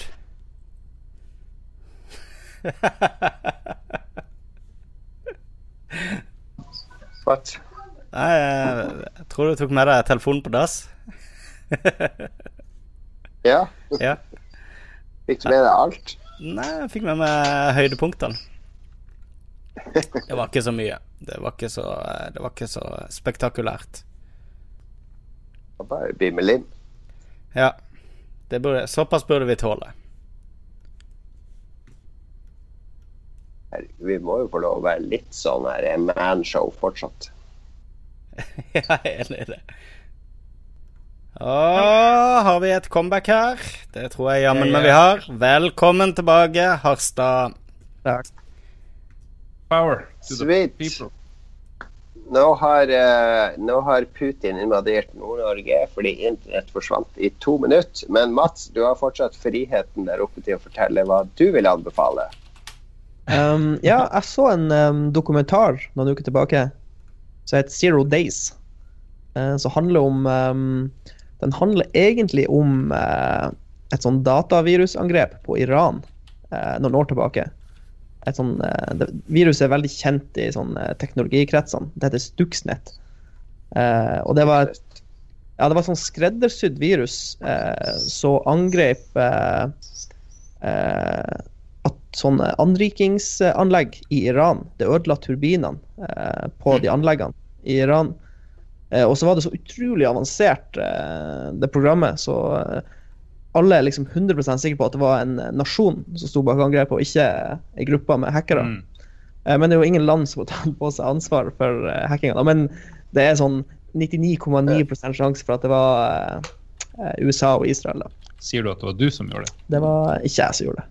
Men eh, den dokumentaren tar for seg eh, virusangrepet, og så tar den for seg eh, problematikken med eh, hackeangrep. Fordi det fins ingen regler eh, for hvordan man gjør det på samme måte som konvensjonell krigføring. Eh, så den, eh, og så har den eh, fått inn ganske mye bra folk eh, som vitner og forklarer og forteller. Og, Nei, kul, kul dokumentar. Det høres jo ut som en veldig, veldig aktuell eh, dokumentar med tanke på alle de, de Yep. angrepene som er nå for tida, med, med bitcoin-release og, og hele sånn. Ja. Absolutt. Um, jeg husker ikke om jeg så det på Netflix eller Det var noen sånne streamegreier. Jeg kan Ja. eh, komme tilbake. Men det var uh, moi, muy nice. Den skal ses. Den skal addes på lista, i hvert fall. Hvis det er Netflix. Mm. Zero Days, altså fra, fra Mats. Eh, Magnus, nå har vi, vi skrev jo nøyaktig samtidig samme ting som vi skulle anbefale. Ja, Nå har jeg endra min ting, så du kan få lov å ta, ta din anbefaling før min. Eh, det handler om, eh, om vår, vår felles eh, kjære store leder. Nei, ikke Donald Trump, men Kim. Ja. Ehm, jeg har fortalt tidligere om at en kompis av meg har vært eh, eh, Jeg tror han har vært Er det tre eller fire ganger i Nord-Korea nå som fotograf og har tatt eh, veldig mye fine bilder og eh, dokumentert veldig mye fra det landet der. Han hadde også æren av å være eh, offisiell eh, fotograf da en norsk delegasjon reiste til Nord-Korea med lat... Nei, litt Hva er det? Latviske? Eh, uh, eller litt Nei, de er-? Er eks... Hallo, hallo, de er eks-Jugoslavia. De er fra de Jeg tror de er fra. Serbia. Er det ikke Litauen? Nei, okay. det er slo... Neue slovenische kunst, heter det. De er fra Slovenia. Og vi snakker selvfølgelig om uh, det veldig uh, fascisme-flørtende østeuropeiske uh, industribandet Laibach. Som da eh, skulle, som første vestlige band, ha en eh, offisiell konsert for, for de, eh, de offisielle eh, offiserene og de høytrangerte nordkoreanerne i seg sjøl et fantastisk absurd konsept. Der, altså, Laibak de, de liker jo å kle seg i sånne overdrevne eh, diktator- eh, eller diktaturuniformer og drakter. og de har et nesten sånn erotisk forhold til eh, marsjering og bombing og, og, eh, og eh, sånne maktovergrep, da. Så det at de ble henta inn som liksom det første vinduet til Vesten, det var jo litt, eh, litt humoristisk i seg sjøl. Tingen er at NRK har lagd en dokumentar av det, og den dokumentaren ligger nå på NRK-appen. Han Kompisen min dukker opp hele tida som linselus, som for meg personlig er veldig gøy. Um, Men uh, for alle andre så er det en utrolig sånn bisarr reise inn i det nordkoreanske byråkratiet. Og eh, ikke minst inn i Laibaks verden, som de fokuserer ganske mye på. Og, eh, og en del av disse problemene som oppstår, og, både når det gjelder kommunikasjon, eller åssen alle er så redd for å ta beslutninger i Nord-Korea fordi ingen har lyst på skylda, sånn at eh, alt eh, på en måte smøres utover. Det er alltid en sånn syv-åtte personer som står ansvarlige for enhver beslutning, sånn at de liksom kan spre skylda ut på alle, da. Og eh, det gjør at eh, her i Norge så ville de ha kunnet satt opp den konserten der på et par timer, mens de, det tar jo evigheter i Nord-Korea. Eh, mildt humoristisk, uh, veldig absurd, og uh, et, et kult innblikk inn i et land som, som veldig mange bare har avskrevet sånn på én måte. Så absolutt verdt å se på. Har du noe å legge til der, Jon Cato? Ja, det, det er en veldig veldig kul dokumentar, som du sier. og det er jo Laibak er jo et av mine favorittband. Det har det vært Ja. siden starten av 90-tallet. når jeg oppdaga de. Og, og Det opphavet til liksom Rammstein. Jo, ja, ja, det var lenge før Rammstein. Ja, det det. da, eh, oppdaga Laibach. Men, men det var litt sånn Vi visste ikke om vi hadde lov til å like det, fordi det var jo De brukte jo sånn her eh, eh, alt, Alle CD-coverne og alt var jo som henta ut fra Goebbels sin, eh, sin håndbok for hvordan du skal kommunisere og drive propaganda. Ja. Eh, så vi vi visste ikke om de var oppriktige nazier eller ikke, men jeg har jo skjønt nå i ettertid at, at de brukte det her uttrykket som et angrep på den jugoslaviske regjeringa, som jo var fascistisk, for å, for å felle den regjeringa. Det er et kunstprosjekt. Ja, altså det var, det var et kunstprosjekt, et protestprosjekt, der de brukte regimet sitt uttrykk mot regimet. da. Altså det Regimet måtte se seg sjøl i speilet når, når Laibach opptredde. Så etter det så har de vært litt sånn i limbo, og de har eksperimentert masse. Så de passer jo ekstremt bra inn i Nord-Korea som et, eh, et band med et fascistisk uttrykk for å avsløre fascismen ja. eh, som sikkert gikk over hodet på alle i Nord-Korea. Men dokumentaren er veldig kul. Jeg satt og så den her en kveld mens jeg venta på kone og barn som kom hjem fra korpstur.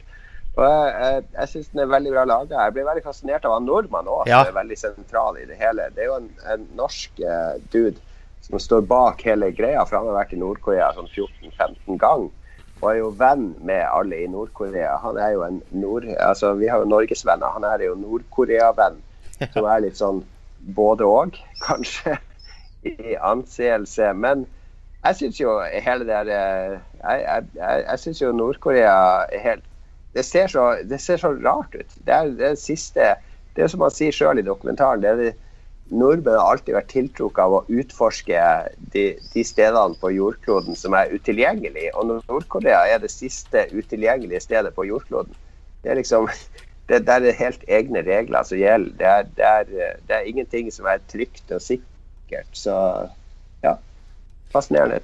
Det skal også sies at eh, det er jo eh, Stemmer ikke dette, Jon? At eh, det er en egen oppføring av Sound of Music, som er hele musikkoppsatsen. eh, de, de skal egentlig gå gjennom hele albumet, eller hele musicalen, uh, i løpet av liveshowet. Det blir jo klippa masse, masse, masse underveis, selvfølgelig, etter hvert som blir sensurert. Men Sound of Music var jo en sånn her nazi-propagandafilm. eh, Eller ble i hvert fall brukt som det, da. Veldig mye av den estetikken. Er det den eh, for De har jo gått De- gjennom De har jo veldig mye konseptalbum. De går gjennom hele Jesus Christ Superstar og Riktig. eh, spiller bare Sympathy for the Devil i fire versjoner på én plate osv. Men eh, de går, de går fra låta Sound of Music, så går de sånn her over i Det, det er ei låta, det er én melodi som, som er en sånn her, eh, sånn her keiserrunkelåt som, eh, som er superpopulær i Nord-Korea. Som bare handler om å bra eh, lederne, selvfølgelig. Og, og de skal liksom de, Det er omtrent som, uh, som Take On Me her i Norge. Eh, litt, eh, men litt viktigere for, for å, å overleve og like den låta der, tror jeg. Og de, de skal jo da lage sin egen sånn coverversjon av den, da. Ja, jeg anbefaler å se dokumentaren. Veldig mye, veldig mye gøye og interessante episoder. Jon Cato. Det er den. Jeg skal, jeg skal fortsette i dokumentarsporet. Nå blir det tre dokumentarer på rad. men det bra dokumentar. Fordi fortsatt, fortsatt på NRK-appen så ligger det en, eh, en eh, dokumentar som heter 'Saken Kevin'. Som er en uh, svensk dokumentar i tre deler. Og den handler om en uh, Det handler om noe som skjedde i Sverige på 90-tallet. Der var det en, en gutt på fire år som het Kevin, som ble funnet død eh, i fjæra eh, i en liten by. Og så ble det endte det med at to gutter på fem og åtte år ble liksom Ja, det er de som har drept han. Og så var den saken ferdig. Mm. Eh, og den dokumentaren er et intervju med de to guttene som ikke husker noe av det der. Eh, og som eh, siden da har levd eh, De har levd på institusjon med foreldrene sine og alt mulig. Og de bare de mener at eh, de kan ikke kjenne seg igjen i at de skulle ha gjort det. Og så, og så går den dokumentaren av den forhøret, eller den intervjuer alle som var involvert i saken. Altså han eh, etterforskningslederen, hun barnepsykologen som intervjua de guttene osv. Og så får de tilgang på de 30 timene Vi snakker 30 timer med, med forhør av, de, av en femåring og en åtteåring uten foreldre til stede. Mm. Der de gutta rett og slett blir pressa. Femåringen blir pressa til å si at storebror, det var storebror som gjorde det. og sånn. Og Det er noe av det drøyeste jeg noensinne har sett på TV, med hvordan hvordan og der barnepsykologen de jo presser han femåringen til å Mm. si at storebroren gjorde det, og så går de på storebroren og sier at lillebror din sa sa at du gjorde det. Ja, men han ljuger, sier han. Alene uten foreldre. Det er sånn, Hvis du har barn sjøl, så sitter du der og griner foran TV-en. Fordi det er noe av det drøyeste overgrep jeg har sett overfor barn. Altså sånn offentlig overgrep. Er Dokumentert. Og det, det som er litt spennende, er jo at de intervjuer jo de folkene, de er voksne som var involvert i den saken, og viser Ja. de opptakene i ettertid. Og hun barnepsykologdama hun sitter der og sier nei, men så her hadde vi ikke gjort i dag. Og nei, men jeg kjenner ikke igjen hvor det her eh, Fuck you, da. Altså, du har ødelagt livet til de her to barna. Ja.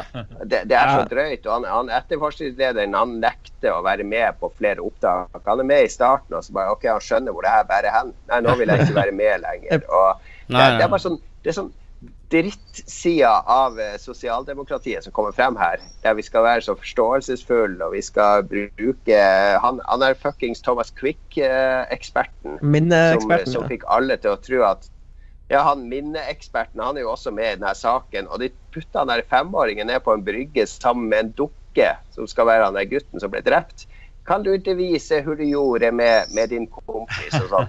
Der han skal vise på dukka hvordan de drepte han og sånn. Det, det, det, det er så jævlig drøyt. Mm. Det, det er det Men, det verste overgrepet jeg har Men sett hva det har med sosialdemokratiet Jon Cato? Var det bedre i Nazi-Tyskland og USA? Det var jo det, og, og i, ikke minst i Sovjet. Nei, men det, det her har Ja. vi en sånn her eh, Det, det er sånn, eh, sånn inn, fordi, fordi det som er det som er, jeg syns er skummelt her, det er de foreldrene til de to barna som er med på alt som politiet sier. Politiet sier at vi mistenker at deres barn har gjort det her. Og de foreldrene vet at de har soleklart alibi. De barna kan ikke ha gjort det, for de var ute på fisketur hele dagen. og Ja, for sånn. det, det starta jo, de starta jo med at de hadde vitnestatus, de to guttene. Ja, ja. ja de, had, de hadde vitnestatus. Og femåringen har livlig fantasi, så han sier ja, nei, han har sett liket, og han har sett at han var død og sånn. Ja. Og det, det er det eneste politiet har å henge det på. Og det handler om at, at alle er med på det. Til og med foreldrene er med på den her Mm. tankerekka med at de her to barna kan ha gjort det. Fordi hadde det vært mine barn, jeg hadde forsvart dem til døden, ikke sant? Ja. Hvis, hvis politiet kom og sa at en av mine barn hadde drept noen, jeg hadde, jeg hadde stilt opp for mitt barn uansett. Mens her så de, de, de foreldrene spiller jo på lag med politiet. De driver og tyster på barna sine og sånn. Ja, nei, han sa noe sånn eh, når han drømte, som kan tolkes i den retninga. Jeg, jeg synes det, det er noe av det, det ekleste, kvalmeste, verste jeg har sett i mitt liv. Men barna har det jo veldig godt i dag, da. Har de ikke for godt i dag? Kanskje man trenger litt har det mer sånn kjempegodt. Og de barna her hadde det kjempegodt òg, men de har jo du, Hvis du ser den der eh, dokumentaren, du, du skjønner jo at, det, at Ja. de her barna har ingenting med det her å gjøre. De har blitt utsatt for et, ja, denne, et overgrep fra staten. den saken så brukes jo i, i, eh, veldig I sånn etterforskningsteori, leste jeg. Så blir denne her Den er liksom den store saken som brukes eh, internasjonalt i undervisning når det kommer til riktige um, um, sånne intervjumetoder osv. osv. Uh, der Og dette var saken hvor alt ble gjort feil. da Så galt ja, kan det du, gå. du kan bare vise, det, Ja. vise alle videoene. Sånn her skal du ikke gjøre det. Ja. Gjør alt annet enn det her. Ja. Er Altså, det- For de som husker at jeg sa lukka spørsmål helt i begynnelsen av sendinga, så var det et, et begrep jeg lærte meg da jeg leste om denne saken, faktisk. Og det var en av de tingene de gjorde veldig mye. Var at de stilte lukka og ikke åpne spørsmål til disse barna. Og dermed satte premissene inn i spørsmålene. Hvorfor drepte du dem, og hvor var du da han ja, og drepte så, han? og så presenterer de jo informasjonen Ja. for ungene som de ikke har Ja, sagt sjøl på eget initiativ. ja, de sier de, dem. Men hvis De de sier sant, Hva tenkte du når du drepte de? timer, og så- Ja, men De holder på i mange timer, og så spør de sånn her eh, eh, Kan du si hvor du skada han? Kan du si hvor du Mm. skada han? De bare Nei, jeg har ikke skada han. Har ikke skadet han. Og så står de sånn OK, du, det ble funnet skader på halsen. Vet du hvordan de ble påført? Ja, kanskje med en pinne eller et eller annet. Fordi de, de er så desperate etter å slippe hjem til mamma, ikke sant? til Mm. å komme ut av det rommet. Så de begynner å servere de informasjon etter hvert, det det er Ja, helt, helt vilt. eh, Du ser det samme det i 'Making a Murderer', så gjør de litt ja. Ja. samme greia med han eh, litt uh, tilbakestående duden. Ja, Brendan det blir jo ofte, det blir ofte sammenligna med, med den, men det her treffer så mye nærmere hjemme, fordi det er jo vårt naboland. Ikke sant? Det er jo et land vi liker å identifisere oss med når det gjelder styresett og holdninger og alt mulig sånn. Og, og politiet har ikke De virker så utrolig amatørmessig og desperat her at, at det, det er skremmende, rett og slett. Men en veldig bra dokumentar. Absolutt. Nå flyr svalene over landskapet her i Frankrike. La videoen min er ute på Lolbo Entourage nå. Er du ikke med dem der, så bør du søke medlemskap bare for å se fransk idyll. Fransk eh, The Witcher 3-idyll, hvis du skal holde det innenfor nerderegimet. Det ble en litt brokete sending, karer. Nei da. Sånn som skjer. Verdens Det er bra. dårligste sending. Det var det du sa det, Lars? Hva var det vi, vi har snakka om det her? Har dere diskutert dette? Har Lars lovd å være mer positiv? I'm gonna kill myself. Ja, det er helt bra. Vi er- takker for oss. Ja, men vi har Ja. ikke sunget den amerikanske nasjonalsangen. Er dere, skal vi finne frem teksten, eh, Magnus? Eh, Er du klar? Nei, jeg er ikke helt klar. Jeg må bare ordne noe. Bare sett i gang, sånn dere. Vi er jo sånn tre sekunder ute av synk, så det kommer Ja, til å det, jeg tror ikke det blir så bra. Ja, ok, da. Vi får, vi får lime inn noen andre som synger. ja, du får gjøre det. Yes. Hvis, du, hvis du følger med på YouTube-kanalen vår, så vil du nå få se Lars og Mats i kor som synger den amerikanske nasjonalsangen. Hvis du hører på podkasten, så takker vi for oss nå. Eh, takk for at du følger oss. Følg med på Lolbua Facebook, Lolbua Entourage. Meld deg inn der. Det er der det skjer. Eh, neste uke, så er, hvis vi spiller inn på onsdag, så tror jeg jeg er i Oslo, så der kommer vi ha en normal sending. Eh, ja. Vi snakkes. Ha det bra. Det gjør vi. Ha det. Ha det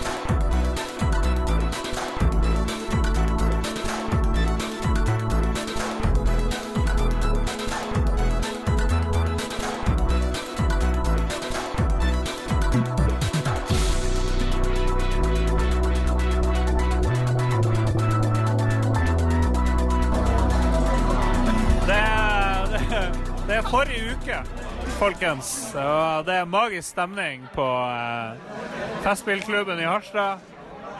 Vi sitter her med Henrik eh, Elmann. Ja. Ja.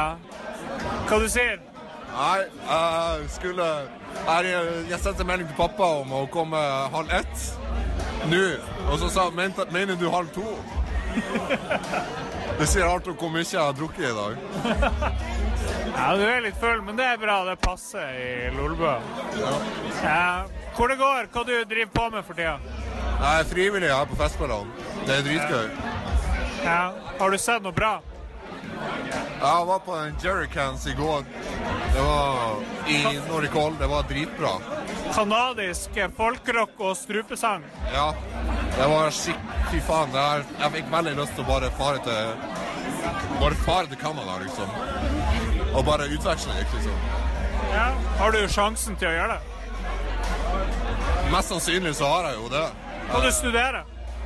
Jeg har gått et eh, år i, med engelsk på Dragvoll i Trondheim. Men nå har jeg søkt på andre studier i Trondheim også. Engelsk er jo sånn du tar når du egentlig ikke vet hva du vil gjøre med livet ditt. Stemmer det? Helt riktig. jeg hadde ikke peiling på hva jeg ville gjøre på noe. Altså. Du er jo en av våre mest ivrige folk i chat og kommentarfelt osv. Hva, er- hva det er med Lolbø som eh, gjør at du eh, gidder å følge med? Alle tilfeldighetene som bare oppstår i løpet av f.eks. strømmene og Det at Jon Cato blir så jævla sur hele tida. Lars som er så jævla full. Det er gøy. Og så har vi Jeg skal ikke si om Magnus. Han er, Du, må jo si noe om Magnus. han er down to earth. Sørlending, liksom. Men OK, Uh, har du spilt noe i det siste? Jeg har spilt, uh, jeg har spilt veldig mye Bind of Isaac Rebirth i det siste. Uh, Det er hva heter han fyren vår? Vår gode venn? Mudenia. Mudenia. Vegard? Ja. Åh, Han blir veldig glad for å høre det. veldig, veldig, veldig avhengig av det. Det er kjempe, kjempegøy. Jeg bare driter om å dø hele tida på f.eks. på challenge runs. Du blir jævlig, blir så jævlig irritert når du dør på sånne helt for jævlige challenge runs. Ja. Jeg har også et annet spill. Ja. Night in the Woods. Uh, det norske? Eller nei, ikke det norske. Unnskyld, det var Through the Woods. Night in the Woods and Arn. Night in the Woods er et story, veldig storybasert spill der du kan velge mellom kan velge mellom si forskjellige ting. Du liksom du liksom ei jente som har kommet fra Dota ut av college, liksom, og så liksom prøver å finne ut av livet sitt, og plutselig så finner du at noen finner en sånn hemmelig sekt, liksom. Spoilers, men Spoilers! Spoiler alert, eh, men uh, Fy faen, jeg har ikke, spilt gjennom det ennå. Det er en stund siden jeg, spilte den, men det er, det er veldig Den er ledig. Eh, men, eh, men den er veldig Du skulle vise fingeren. eh, Men den er veldig, veldig spennende.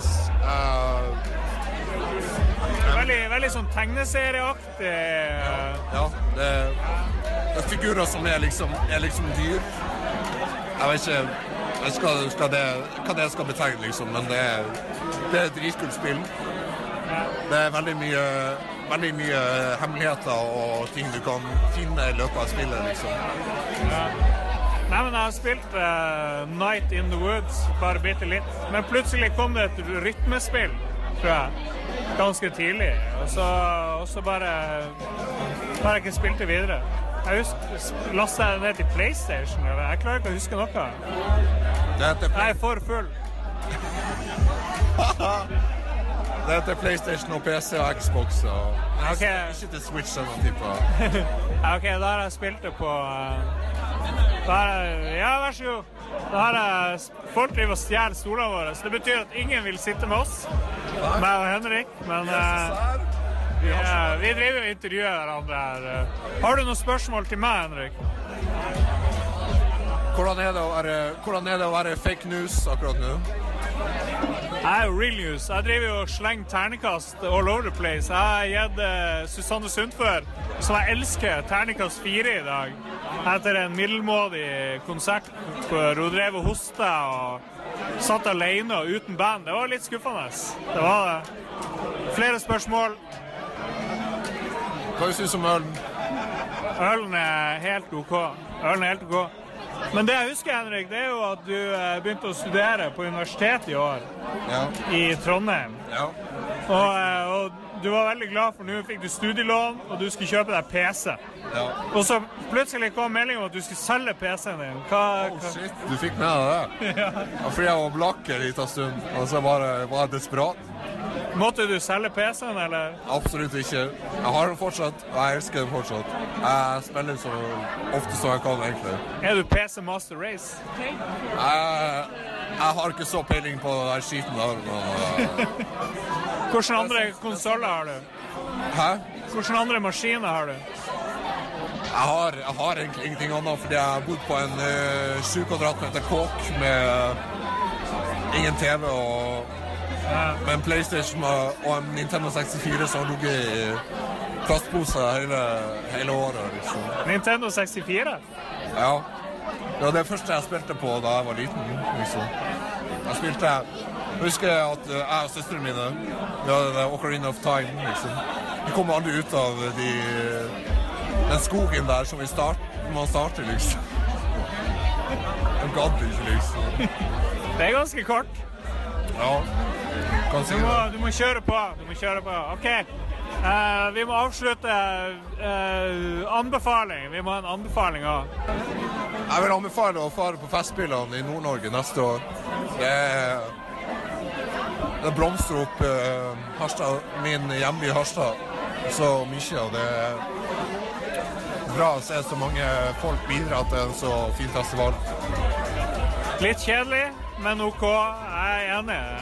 Festspillene er jævlig bra. Ja. Tuller. Å, shit. Jeg ga nettopp fingeren til uh, eksen her. Det var ikke meninga. Det var den første har... tingen som kom opp. Har du noe å si til podkasten min? Veldig lite. Det her var veldig bra. Jeg er veldig bra. Du er veldig bra.